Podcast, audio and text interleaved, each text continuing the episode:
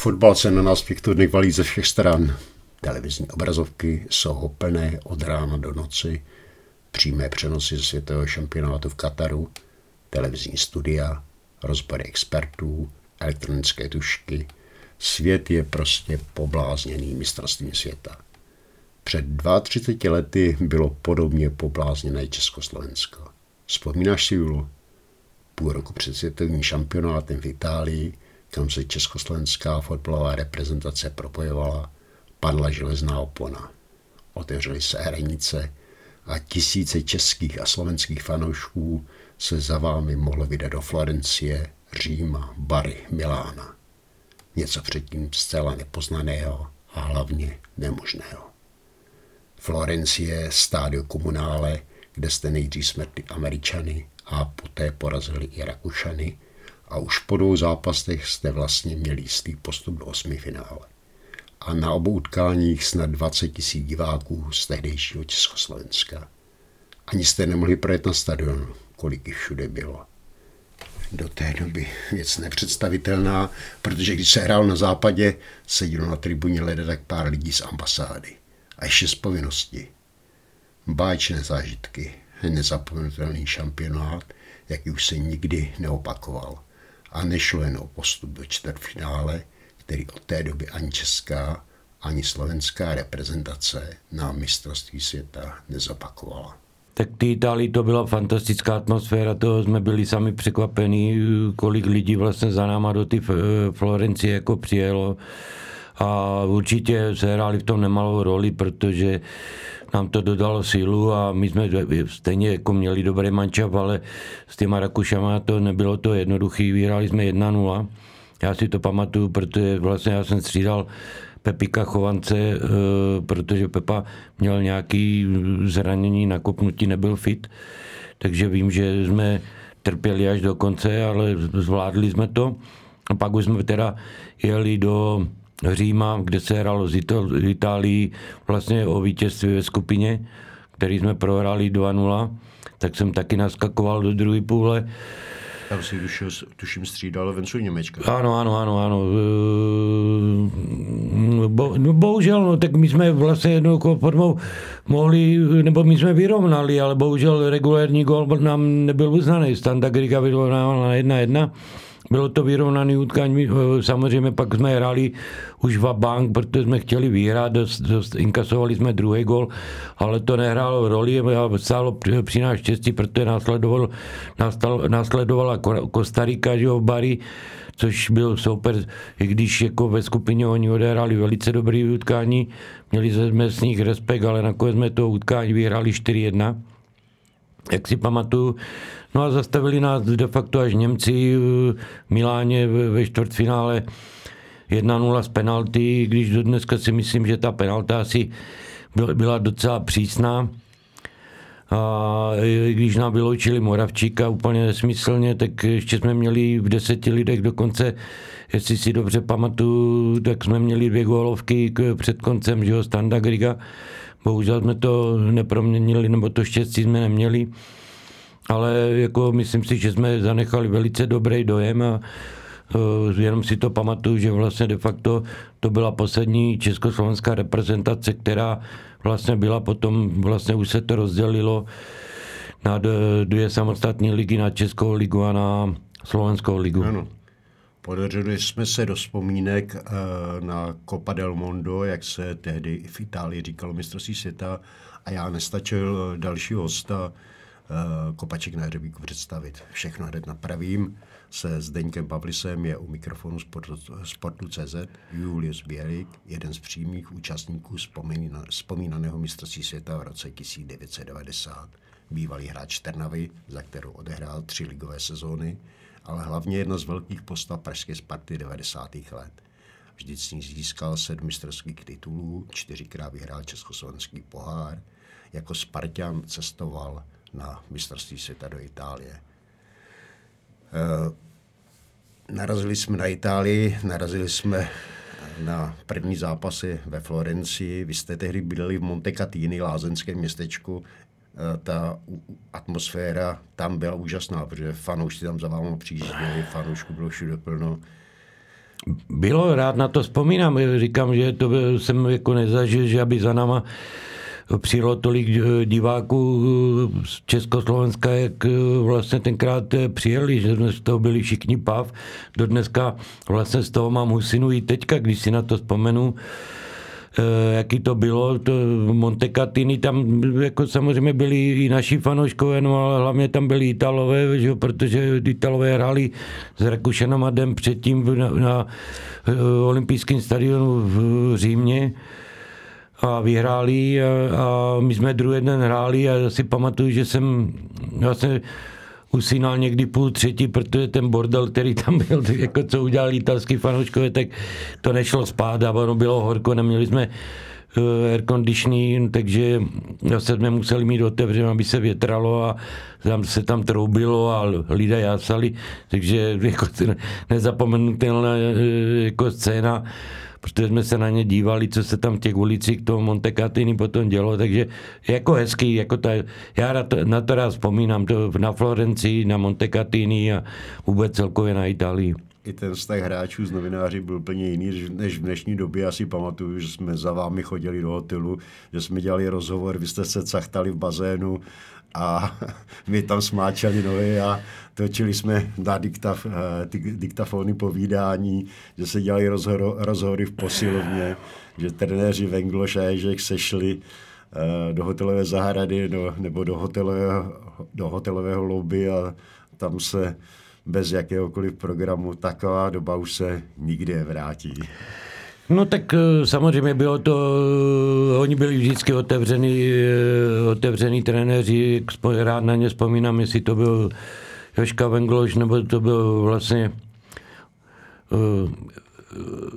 Václav Ježek, protože jako Václav Ježek mě trénoval dost dlouho ve Spartě, takže znám jeho mnohem líb, ale jako ty dva si úplně perfektně sedli a z lidské stránky úplně perfektní oba dva, takže já se ani nedivím, že ty vztahy byly takové, jaký byly a nakonec eh, tady o tom mluví sám že vlastně to už se neopakuje, protože dneska je to trošku přísnější a, a ty trenéři moc eh, nechtějí pouštět eh, vlastně ty hráček k médiím, anebo jsou určeny nějaké hodiny, kde od kdy do kdy můžou vlastně s těma hráčema mluvit. Eh, tam to bylo trošku o něčem jiným, takže ta atmosféra byla uvolněná. Možná i díky tomu, že to bylo uvolněný, že jsme se začali na ten zápas soustředit tak dva, tři dní jako předtím, ale vlastně to bylo uvolněné, že možná i ta atmosféra přispěla k tomu, že vlastně jsme skončili v tom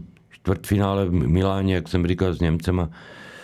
Takže já na to rád vzpomínám a jsem na to strašně vděčný, protože ty vzpomínky jsou úžasné a ty lidi, kteří tam kolem nás byli, tak byli všichni jako perfektní. Krásné vzpomínky musí být také na Bary, kde jste porazili Kostariku a právě z Bary jste postupovali na tamního hoteliéra, který vás tam, peč, vás tam pečoval. Eh, teď jsem to chtěl říct, že vlastně de facto my jsme ho brali sebou potom, protože doopravdy ten od nás pečoval neskutečným způsobem.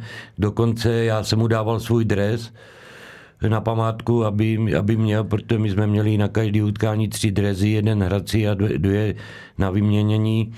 Takže dostal jeden dres jako ode mě, protože se nikdo k tomu neměl a mi ho přišlo líto, že vlastně nic mu nikdo nedal, přitom doopravdy on se tam o nás staral a, a úplně perfektně a to neříkám ještě to, protože eh, my jsme spali vla, eh, před zápasem s Němcem di Como a nebyl air condition na, na, hotel, na, na hoteli a on zap, nám zaplatil hotel na druhé straně jezera, který, který ho měl a tam jsme šli vlastně se ubytovat a tam nebyli ubytovaní před tím zápasem s Němcema. Takže ten chlap na to se nedá zapomenout. Ten, jak říkám, ty lidi, kteří byli kolem nás, byli fantastiční. No. Italové s šampionátem žili. A... Určitě, určitě. Takže jako bomba, jako, to jsem ještě neviděl, aby hotelier tohle to udělal, co udělal. Přesně tak, to bylo něco neskutečného. Ano, ano, ano. Neskutečné gesto. Julo, zmínili jsme se o San Siro, kde jste hráli čtvrtfinále s Německem. Prohráli jste tedy 1-0. Ta penalta nařízená po té, co Chovanec a Streka vzali do klinče Klinsmana, ta se zdála hodně přísná. No tak eh, já si myslím, že ta do dneska asi některým eh, hráčům nebo i mně jako leží v žaludku, protože když, se, když si to vemu, tak my jsme odehráli úplně vyrovnaný utkání s Němcema, tam to bylo hovno troba, ten rakouský rozhodčí vlastně to penaltou jako docela eh, těm Němcům pomohl k tomu, aby vlastně de facto postoupili přes nás. No. Takže tam po tom zápase ten pocit eh, nebyl moc dobrý, protože jsme věděli, že jsme přes ty Němce mohli jít a ale bohužel asi nás tam v té době nikdo nechtěl. Vypískal to Rakušan, že jo.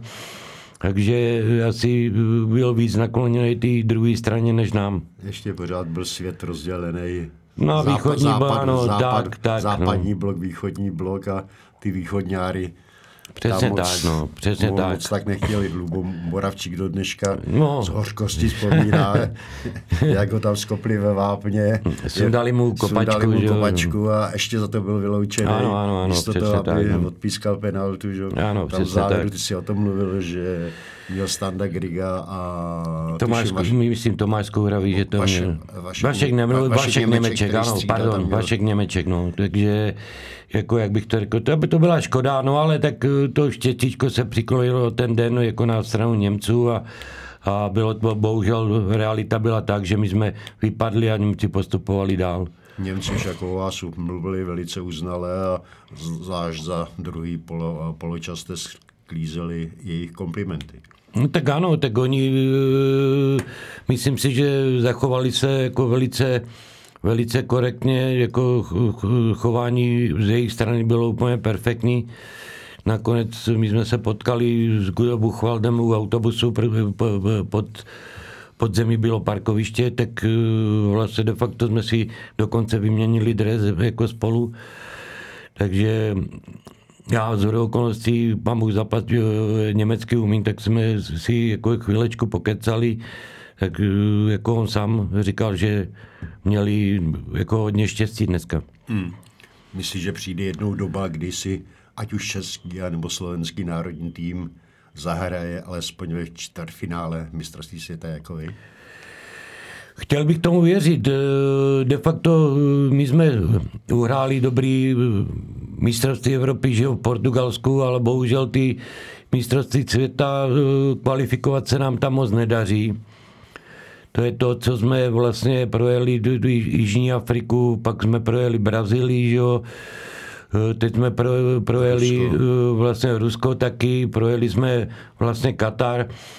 E, jako kdyby to bylo pro nás základ tyto mistrovství světa, spíš se dostáváme na ty mistrovství Evropy a tam spíš děláme nějaký ty úspěchy jako v Portugalsku, že jo? takže, nebo v Anglii, tak eh, tam spíš děláme jako úspěchy, ale chtěl bych tomu věřit, že jednou se nám to povede.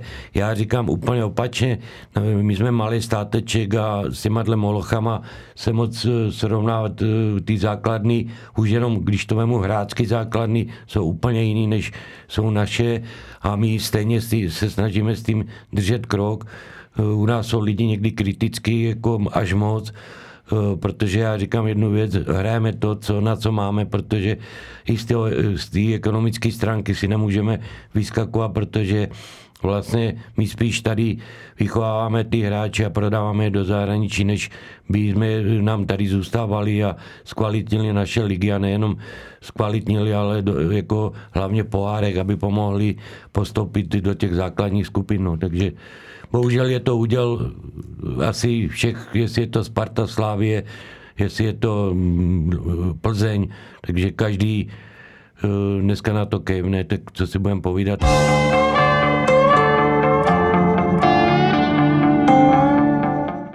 Začali jsme povídat o mistrovství světa. Mistrovství světa v Kataru už běží týden jak často ho sleduješ, jak moc je obrazovky vázaný? nestíhám, nestíhám, protože nejde. Ono začíná v 11 hodin, končí to v 11 hodin, po 11 hodině večer. takže jako celý den člověk sedět u toho nemůže. nemůže. Samozřejmě viděl jsem zápasy, každý den aspoň dva zápasy vidím, takže pámu za to zaplať s tím, že samozřejmě je to zvláštní, hraje se to v zimě, hm, samozřejmě takhle rozhodla FIFA, hm, zatím to mistrovství světa vypadá kvalitně, ale kvalitně i na, na ty překvapení, které jsou a hlavně Saudská Arábie, že jo, s Německem. A druhá věc, která se opakovala, že jo, to bylo to vlastně, pardon, Saudská Arábie s Argentinou. Argentinou a Německo vlastně dopadlo úplně stejně s Japonskem, takže, takže uvidíme, jestli ty, pokračo, jestli ty překvapení budou pokračovat a mám takové obavy, že některý favority, kteří byli favorizovaní na eh, titul mistra světa, se budou muset s Katarem rozloučit. No. Už po, po skupině. Julo, ty jsi dva roky v Japonsku působil, dva, eh, dva roky si tam v Hirošimě hrál. Uh, fandíš Japonsku? Tak držel jsem jim palce, jako přiznám se, protože jsem, mám ty vztahy, nakonec trenér uh, Hajime Moriasu vlastně je můj spoluhrát s Hirošimi, takže jsem mu přál, aby se mu to povedlo. Škoda, že nemám na něho telefon, tak bych mu určitě zavolal. Pogratuloval mu, ale jak jsem to viděl v televizi, tak byl nadšený, jako veselý, jako on byl vždycky jako hodnej a pracovitý kluk, takže mu to přeju. A samozřejmě Japonci, tím, že jsem samozřejmě nej, nejsem takovým kontaktu s nima, musím říct, jako ty jejich reprezentace byly, co byly předtím a teďka, tak oni šli jako po té taktické stránce neskutečně nahoru. Hlavně eh, v té druhé půli, když si trošku oklepali z toho začátku, tak eh, z, toho takového respektu, to oni vždycky mají. Eh, nakonec byli velice nebezpeční a Němci si o to koledovali, protože to zabezpečení ty obrany bylo špatný, to už v první půli vlastně Oni dali góla, který nebyl uznán Japonci, že jo. Eh, pak měli ještě další dvě takové pološance, ale hrozili se rychlý protiútoku, takže na tohle to si měli dát Němci pozor. Bohužel asi trošičku podvědomí to podcenili a doplatili na to, protože ty Japonci eh, doopravdy pak už hráli eh, oduševněně až do konce a a já jsem tomu věřil, že když dali toho druhého góla, já jsem věřil tomu, že to udrží, protože to oni jsou schopni se obětovat. Jako, ta mentalita jejich je eh, jako doopravdy na vysoké úrovni. Když to porovnáš s dobou, kdy jsi tam působil, kdy jsi tam hrál v Japonsku a současný japonský fotbal, jak velký progres za, ty, za ta léta udělal? No udělali neskutečné. Oni vlastně jsou, jsou účastníci skoro každého mistrovství světa ale ten, tentokrát eh, si myslím, že dali docela dobrý mančav jako dokupy a bylo spoustu věcí, které vlastně i ten soupeř podcenil, kde si mysleli, že ze standardních situací, eh, situací jestli to budou fauly nebo rohy, že by je mohli udělat, protože přece jenom Japonci neoplývají takovou výškou, ale zapomněli na jednu věc, kterou já vím, že mají neskutečnou odrazovou sílu, takže oni dohání určitým způsobem tu výšku toho odrazovou silou a ono to i bylo nakonec vidět, že vlastně ty Němci se až tak moc to, z těch standardních situací neprosazovali, takže takže a ty breaky, to bylo jasný, jako Japonci oplivají rychlostí a že budou hrát na breaky, to bylo, to bylo taky jasný. Nakonec ty náznaky tam už byly v první půli, jak jsem říkala, ve druhé půli vlastně na tohle to Němci dojeli. Že? Hmm.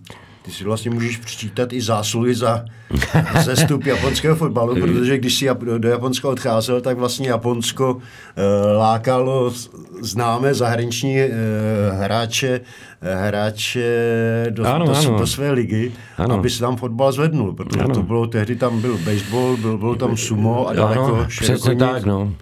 E, jako jasný, bylo tomu, stáhli tam Gary Linekera, že jo, do, do, do Japonska, takže mm, jako doopravdy těch brazilských hvězd, který tam dohrávali, bylo taky jako hodně, oni byli dost zaměřený na ten brazilský fotbal. Samozřejmě já jsem tam přišel v období, kdy vlastně byla první sezona jenom příprava na eh,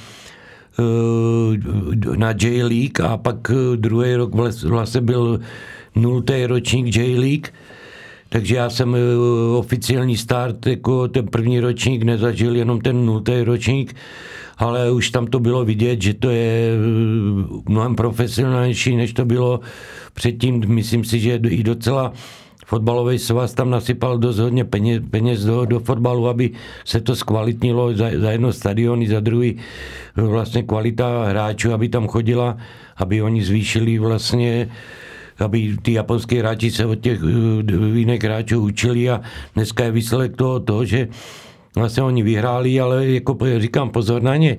Já bych je nepodceňoval, protože oni, jak bych to řekl, teďka dostali chuť, oni nic nepodcení, protože znám jejich mentalitu, Uh, oni tam do toho jdou s pokorou, ale eh, před nikým si nesednou na zadek. Uh, to oni nemají v povaze a to je to nebezpečí, kdo nezná jejich mentalitu.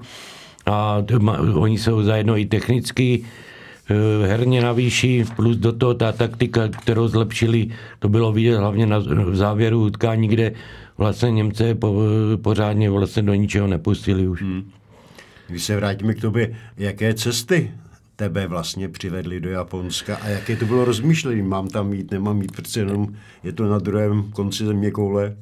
On, tak eh, já jsem, jako kdo si to pamatuje, tak já jsem už byl domluvený s Norimberkem. Já jsem po sezóně měl jít do Norimberka, ale bohužel přišli Japonci a, a Dá se, že jako... bohudík, no tak eh, myslím si, že bohudík, jako, protože mě bylo už pomaličku 30 let a věděl jsem, že asi už nějakou velkou díru do světa neudělám, že mi zbývá tak možná dva, tři roky nebo čtyři tak eh, jsem přemýšlel, protože to bylo přece jenom kus cesty a vlastně oni chtěli spopularizovat ten fotbal tam a chtěli jako navázat na to, aby bylo to po mistrovství světa, věděli o mě, byli se na mě podívat, eh, ten zájem byl eminentní z jejich strany, tak nakonec jsem se rozhodl a o to, že, že jsme podepsali vlastně smlouvu a odešel jsem do Japonska. No.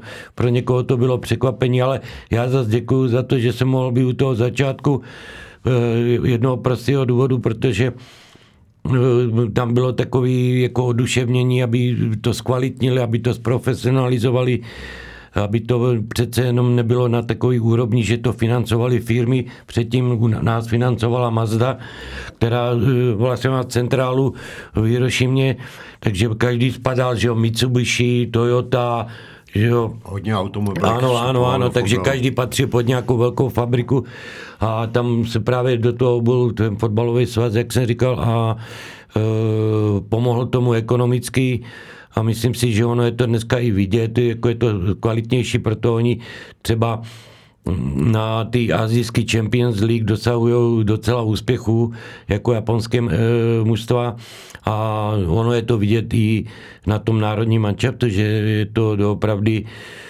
e, trošku o něčem jiným, než to bylo jako za mě. No. Jaké to bylo vůbec přivykat si na tam místního života? Přece jenom jiná kultura, jiná mentalita lidí, jiné zvyklosti, tradice.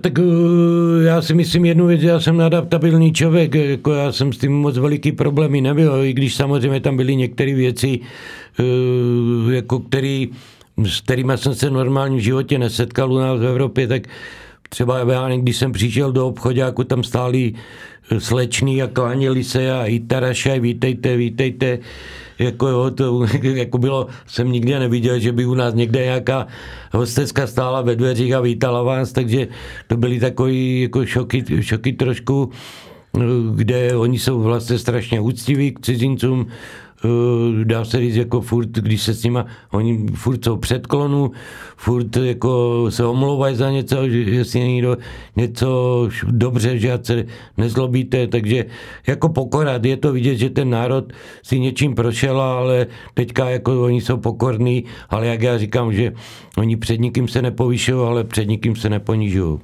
Ivan Hašek si po návratu z Japonska založil v Praze japonský restaurant. Jak ty si přišel na eh, chuť japonské kuchyni. A neuvažoval si také o podnikání v podobné sféře? No, ne, ne, ne, ne, jako neuvažoval jsem v žádném případě, jako jídlo japonské mi jako sedělo a dá se říct, eh, byl jsem z něho nadšený, nebyl vůbec problém. Sranda na tom je, že vlastně Ivan Hašek eh, mě střídal v Hirošimě, on šel vlastně ze Štrasburku do Hirošimy, takže my jsme byli ve spojení, jsme to spolu nějakým způsobem konzultovali, takže já jsem mu dával nějaké informace a že se vlastně de facto adaptoval, není, není divu, jako Ivan, znám Ivana velice dobře a Ivan je, vždycky ho zdobila taky pokora, ucivost a je to slušný člověk, takže tam byla velká pravděpodobnost, že se adaptuje a sedlo mu to, takže já ani já, já se nedivím, že nechal si, nebo spíš to vede jeho mladší kluk, ale jako jak bych to řekl, že si to pořídil, je, je projev takového že na to Japonsko nezapomněl a že asi mu tam chutnalo. No. Ty, jsi, ty jsi takovou snahu neměl? ne, neměl jsem, neměl jsem. Samozřejmě do dneska jsem nějakou formou v kontaktu s nima, eh, nebo přes mý bývalý spoluhráče tady s nějakýma Japonč, Japon, Japoncema, který tady jsou studenti a jako, nebo studují tady, takže snažím se jim pomoct, nebo je pozvat, nebo být jako k ním stejně upřímný, jak oni jsou.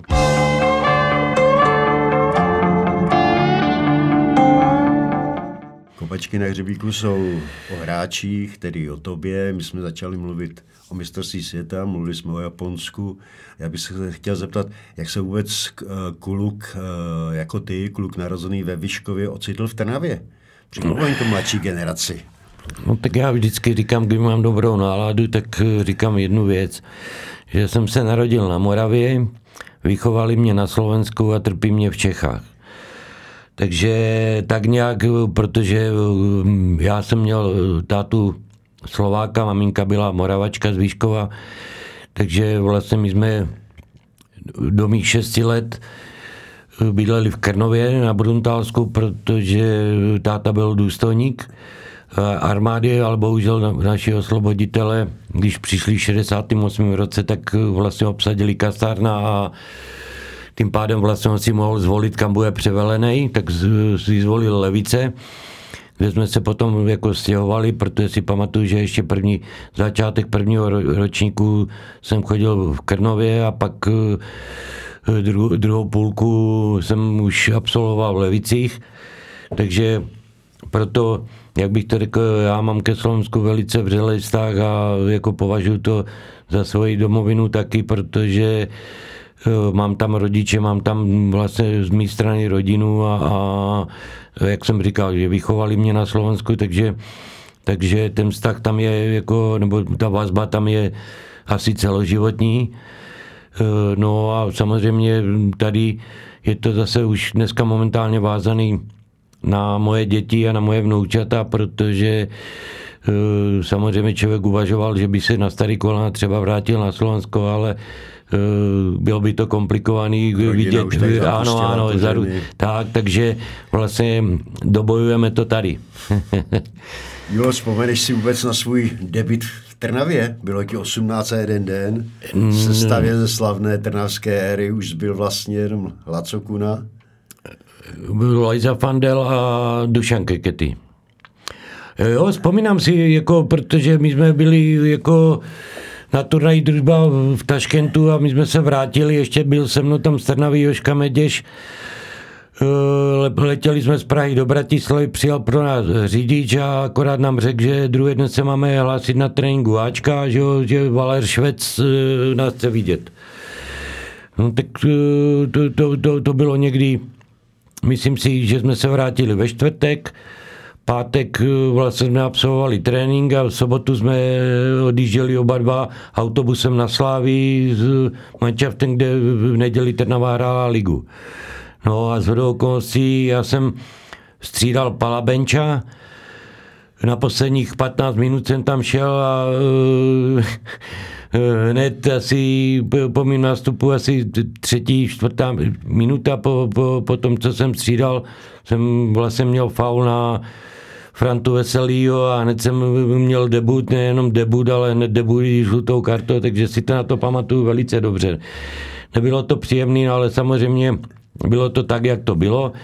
Pak jsem trošičku uh, takový ty tři, čtyři zápasy nehrál, spíš jsem střídal do, do zápasu a pak jsem dostal příležitost, kterou jsem potom chytil za pačesy a pak už jsem hrál stabilně, protože jsem odehrál doopravdy kolem 80 utkání za Trnavu, takže takže to je taky pár zápasů, nebo tři sezóny od 79. do 82. Takže já mám na Trnavu dobrý vzpomínky a hlavně na lidi tam, protože mm, dostanete vlastně šanci jako mladý kluk 18 letý hrát první ligu Eh, komu se to podaří, mně se to podařilo, ale kdyby mi tu šanci nedali, tak asi to dneska nevím, jak by to bylo všechno dopadlo. No.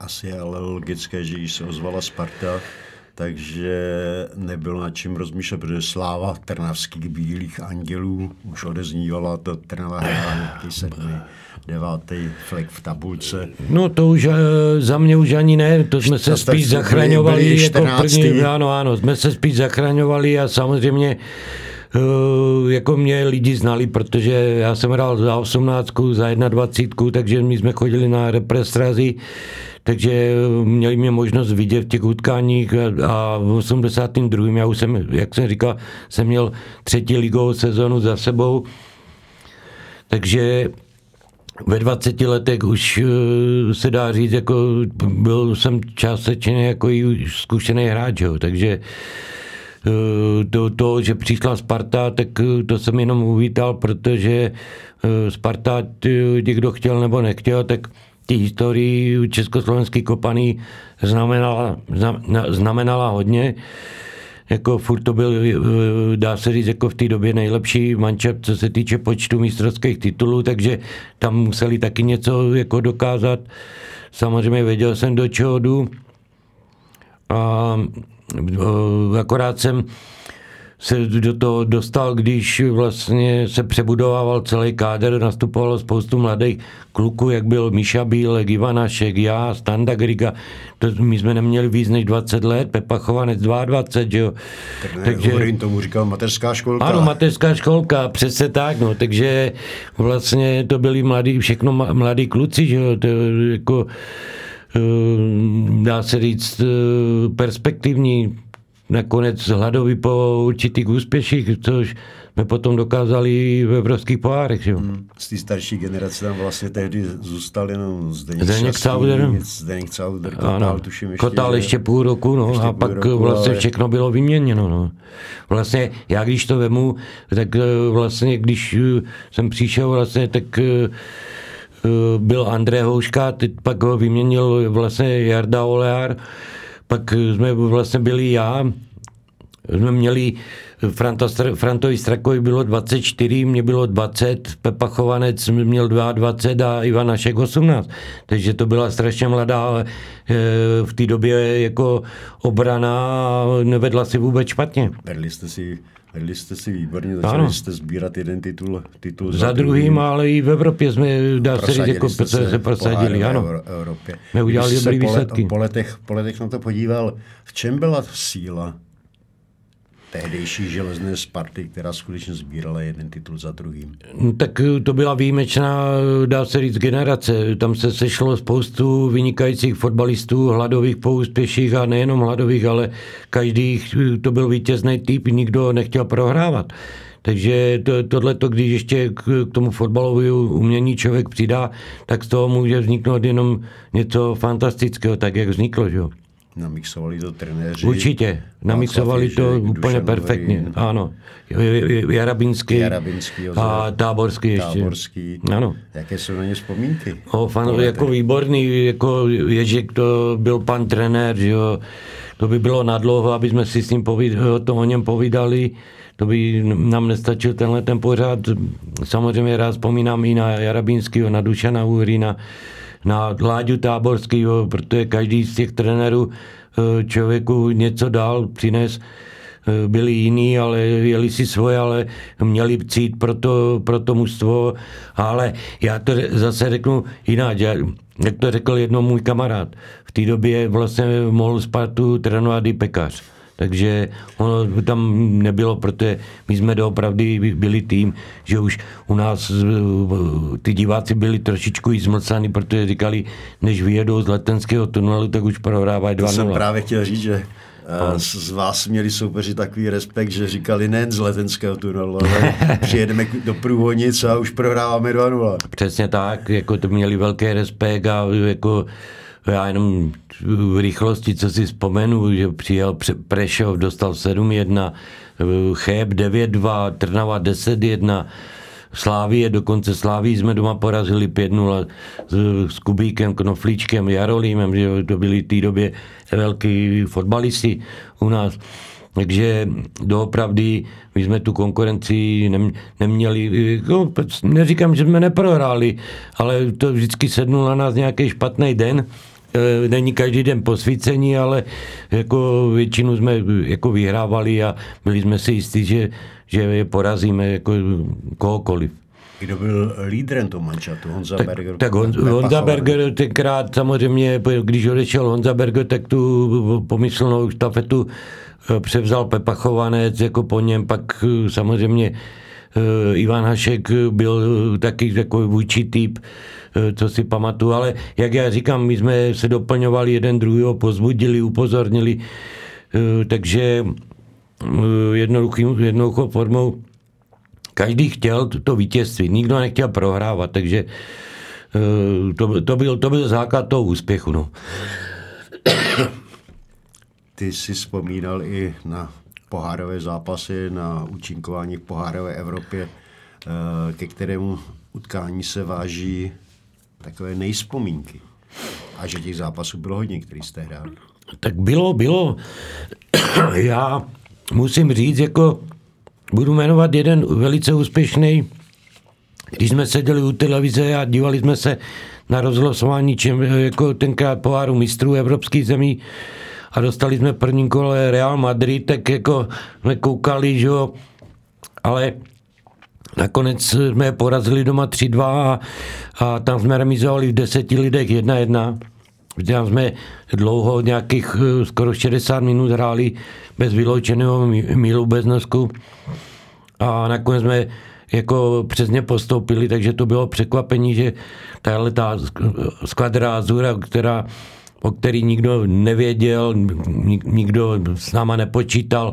Nakonec eh, ten Real Madrid první kole vyřadila. Eh, nedaleko toho byla i Barcelona, protože když jsme prohráli První zápas doma s Barcelonou 2-1, tak tam jsme vyhráli 1-0.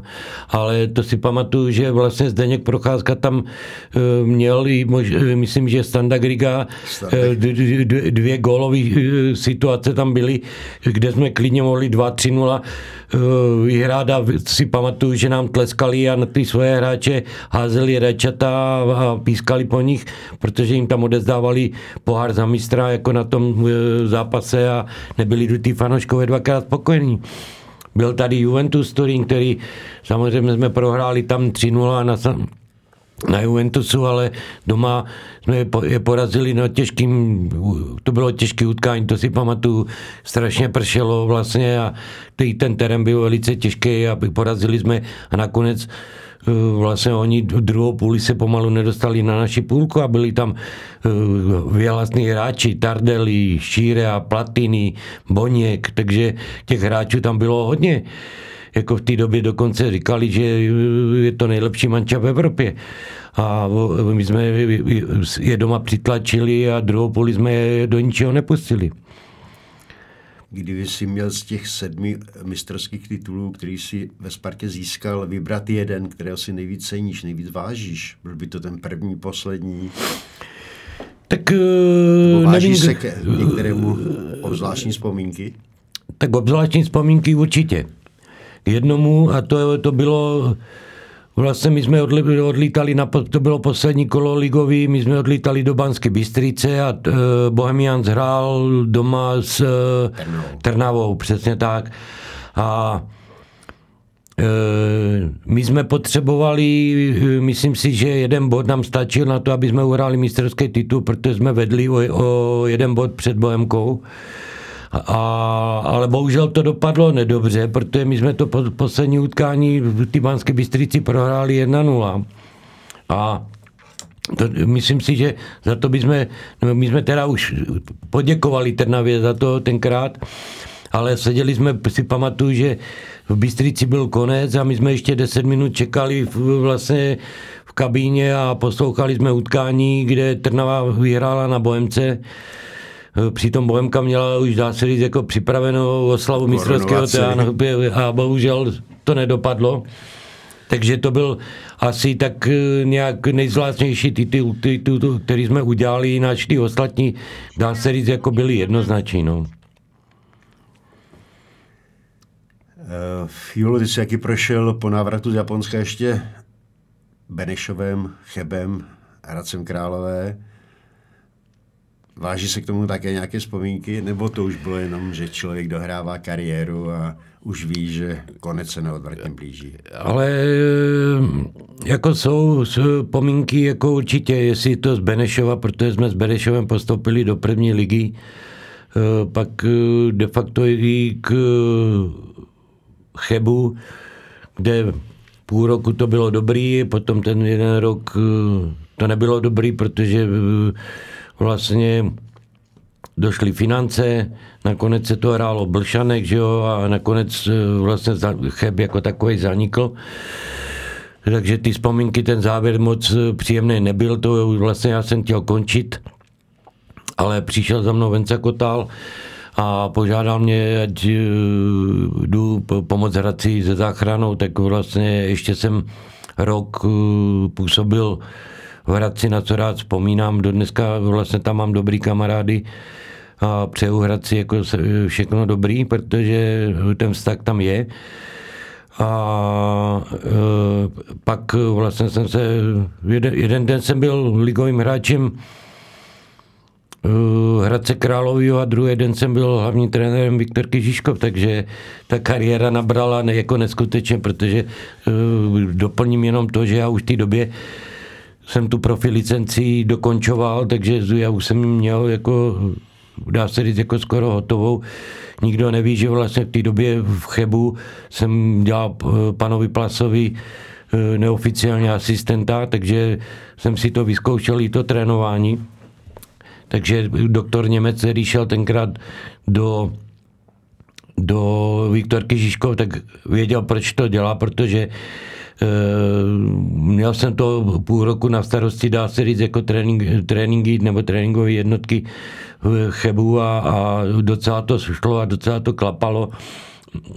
Díky mým spoluhráčům, nebo když jsem je trénoval, byl jako jejich, jejich spoluhráč, ale jako oni mě respektovali, brali to, takže tam jsem si to vyzkoušel a jsem byl o tom přesvědčený, protože každý si tenkrát ťukal, že Viktorka byla poslední, já jsem to přebíral pro Jardovi Řebíkovi, že jo, po podzimu, kde vlastně oni poslední utkání, na kterém jsem se byl podívat, tak oni prohráli 0-2 s Bohemkou a skončili poslední, měli jsme čtyři body na záchranu, ale já jsem tomu věřil, byl jsem o tom přesvědčený, že ten mančap, když e, nějakým způsobem dáme dokupy, protože tam mm, byla e, psychická deka, protože ty hráči se s trenérem Řebíkem moc nemuseli ale jako, jak bych to řekl, to oživení tam potom přišlo a my jsme se byli, my jsme byli kolo před koncem vlastně doma s Českýma Budějovicema jsme vyhráli 3-1, byli jsme zachráněni a poslední kolo na Bohemku, si pamatuju, když jsme jeli, hráli jsme tam 0-0,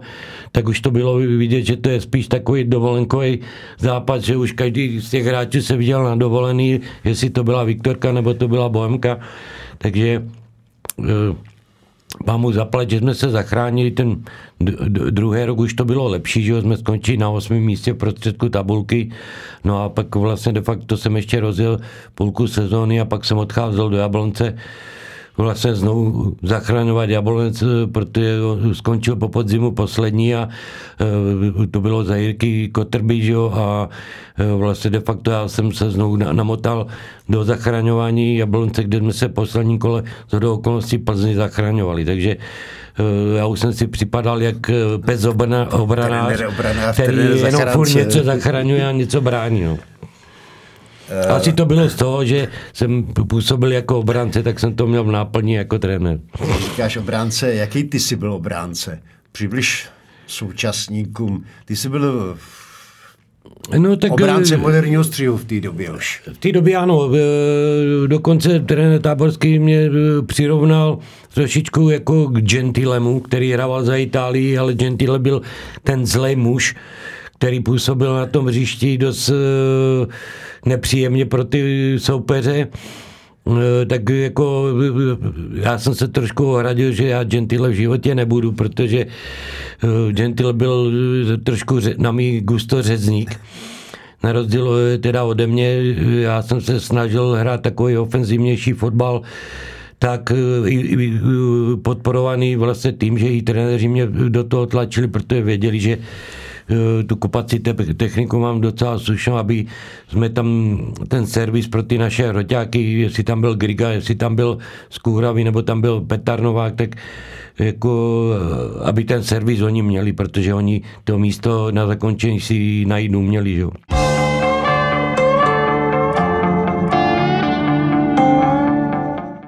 Julo, trenéři, eh, trenéřiny si nezůstal. Nezůstal jsem, nezůstal jsem, protože vlastně trénoval se skoro uh, tři roky. Uh, bohužel jsem byl uh, odvolaný potom z Jablonce po šestém kole. Zachránili jsme to, ale podzim jsem nepřežil. Odvolali mě a já jsem potom seděl doma, tak jsem o tom jako přemýšlel. Rekapituloval jsem si veškeré ty věci a, a potom přišla nabídka jako to, jestli ne, ne, ne, nebudu doprovázet do Anglie jednoho bývalého hráče nebo kap, bývalého kapitána Slovenska, že jo, slovenské reprezentace a Slovanu Bratislava Vargu do Anglie, jako tenkrát jsem to dělal pro pana Ziku. No a pak eh, mně se to nějak zalíbilo, byl jsem tam, dá se říct, 14 dní s hráčem, velice dobře se o nás postarali, Eh, nakonec jsme to dotáhli dokonce, že jsme podepsali smlouvu s ním v Sunderlandě. No a já jsem tak o tom uvažoval, že vlastně tady furt, eh, jak říkám, někoho zachraňu, motám se v blátě, v báně, eh, ocenění žádný. A tady vlastně určitý způsobem člověk si čuchnul něčemu jinému a, a jsem se teda rozhodl to, že budu dělat ještě zkoušky na agenta jako FIFA, tak jsem je potom nakonec udělal no a do dneska vlastně uh, se jako věnu fotbalu už ne tolik jako scoutuju nebo sleduju, ale spíš dělám tak uh, jako mezinárodního manažera pro jednu brazilskou firmu, uh, která vlastně, který dělám servis, aby oni nemuseli lítat, že jo, i v době covidu eh, dá se říct, jako to bylo jednodušší, takže jsme se domluvili, protože vlastně spolupracovali jsme spolu skoro 20 let, takže oni znali mě a já jsem znal je, tak jsem vlastně dělal servis vlastně všem brazilským hráčům, kteří byli tady v Evropě. No. Jak jinak žije šedesátník Julius Běli? Tak já si myslím, že normálně jo, mám krásnou vnuka, krásnou vnučku, jo, mám krásné dvě dcery. E, takový poklidný, postavili jsme před 30 lety v Klánovicích e, barák, do dneska tam bydlíme, už samozřejmě sam, sami, ale tak se snažím věnovat koníčkům, no, houbařině a rybařině. Hraješ taky golf? Se dozvěděl. Uh, ano, ano, hraju taky golf a pořádám vlastně golfový derby Sparta Slávie, protože jsem říkal jednu věc, že vlastně nemáme na sebe vůbec jako přes ten rok čas, tak aspoň na těch golfových na tom golfovém hřišti se potkáváme, že můžeme aspoň chvílečku spolu být a chvílečku spolu po, podebatit. Myslel jsem si, že už jsme dost jako starý na to, aby, jsme, aby tam ta rivalita byla, ale ta tam furt bude mezi Spartoslaví, ta tam bude furt, takže, takže kolikrát se tomu směju, jako a může nejde ani o ten výsledek, ale jak se zdá, že asi jo, protože nikdo nechce prohrát ani Slavisti, ani my. Jak vůbec vypadá golfový eh, žebříček fotbalistů Sparty a Slávie? Kdo je na, nahoře a kde na něm figuruješ ty? No tak, eh, jak bych to řekl, kdo trošku znám handicapy nebo zná golf, jak to je, tak samozřejmě handicapovi asi na tom Vlasta Vidlička, Pavel Marešu, Jirka Jarošíku, Pepa Chovanec, ty jsou na tom úplně nejlepší ze slávistů Láďa Šmicer, Jarda Černý, Páťa Bergerů, že jo, Radek Bejblu, takže jako, jak bych to řekl, doopravdy je vidět, že spoustu hráčů se tomu golfu věnuje. Je to takový sport, který je nenáročný, dá se říct, jako na to lidské tělo, protože přece jenom to, ty naše těla dostali za tu kariéru zahul, zahulit a dá se říct, že to je takový sport, který eh, je, jak eh, někdo říká, že si jedno bouchneš a jdeš, já nevím, jak dlouho.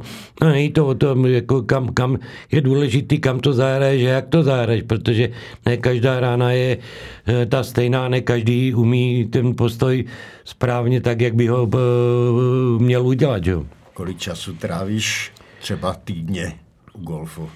No já zase není to tak strašný v létě, když je, tak eh, neříkám, tak eh, jsem jednou, dvakrát do týdne na golfu, eh, na jaře, když záleží od počasí, jo, protože jako já moc zimu nemusím, a jako na podzim, když už se schladí, tak většinou já v tom září končím. Některý to hrají ještě před týdnem hráli když bylo docela slušný počasí, nebo 14 dní zpátky, když bylo těch 11-15 stupňů, tak se dalo hrát, ale to už eh, na mě už je to jako docela studený zima, takže ty lmíčky už nelítají tak, jak eh, v létě, tak eh, já už to balím, dá se říct, jako koncem září nebo začátkem října. Někam do Arábie si, za, si zaletět. Nemám, nemám čas, nemám čas, protože se věnuju právě tomuhle golfovému derby, plus, jak jsem říkal, servisu jako těm hráčům z Brazílie, plus do toho se snažím samozřejmě věnovat dcerám a vnoučatům, takže eh, to, co jsem zameškal jako hráč, tak se teďka snažím jako vrátit zpátky, eh, protože tenkrát jsme taky byli furt eh, na cestách, každý druhý den jsme balili, třetí den jsme odlítali nebo odcházeli, takže nebylo to jednoduché, takže teď se, se snažím trošku to sklidnit a, a věnuju se koníčkům a dětem. Ty jsi navíc vášnivý houbař a vášnivý rybář. Tak ano, e, jako e, snažím se, e, mám v Klánovickým, Klánovický les mám 50 metrů od bráku, takže vlastně vemu košík a jsem tam během chvilky tak a nakonec už za ty leta všude to znám, já si z nich dělám srandu, že mám své místa přesně tak, že už si najdu houbu přesně takovou, jako potřebuju. A samozřejmě na ryby chodím taky jako do Kraskova k Seči, mám k tomu vztah od malička, naučil nás to táta, oba dva kluky. A když mám to volno a udělám si, protože jako těch koníčků je hodně a těch povinností je taky hodně, takže eh, snažím se tak aspoň minimálně třikrát, čtyřikrát eh, jako na ty ryby zajít. Pochlubíš se největším úlovkem nebo takovým kufanditním úlovkem z letošní rybářské sezóny? Tak letošní... Viděl, letošní viděl jsem i štiky.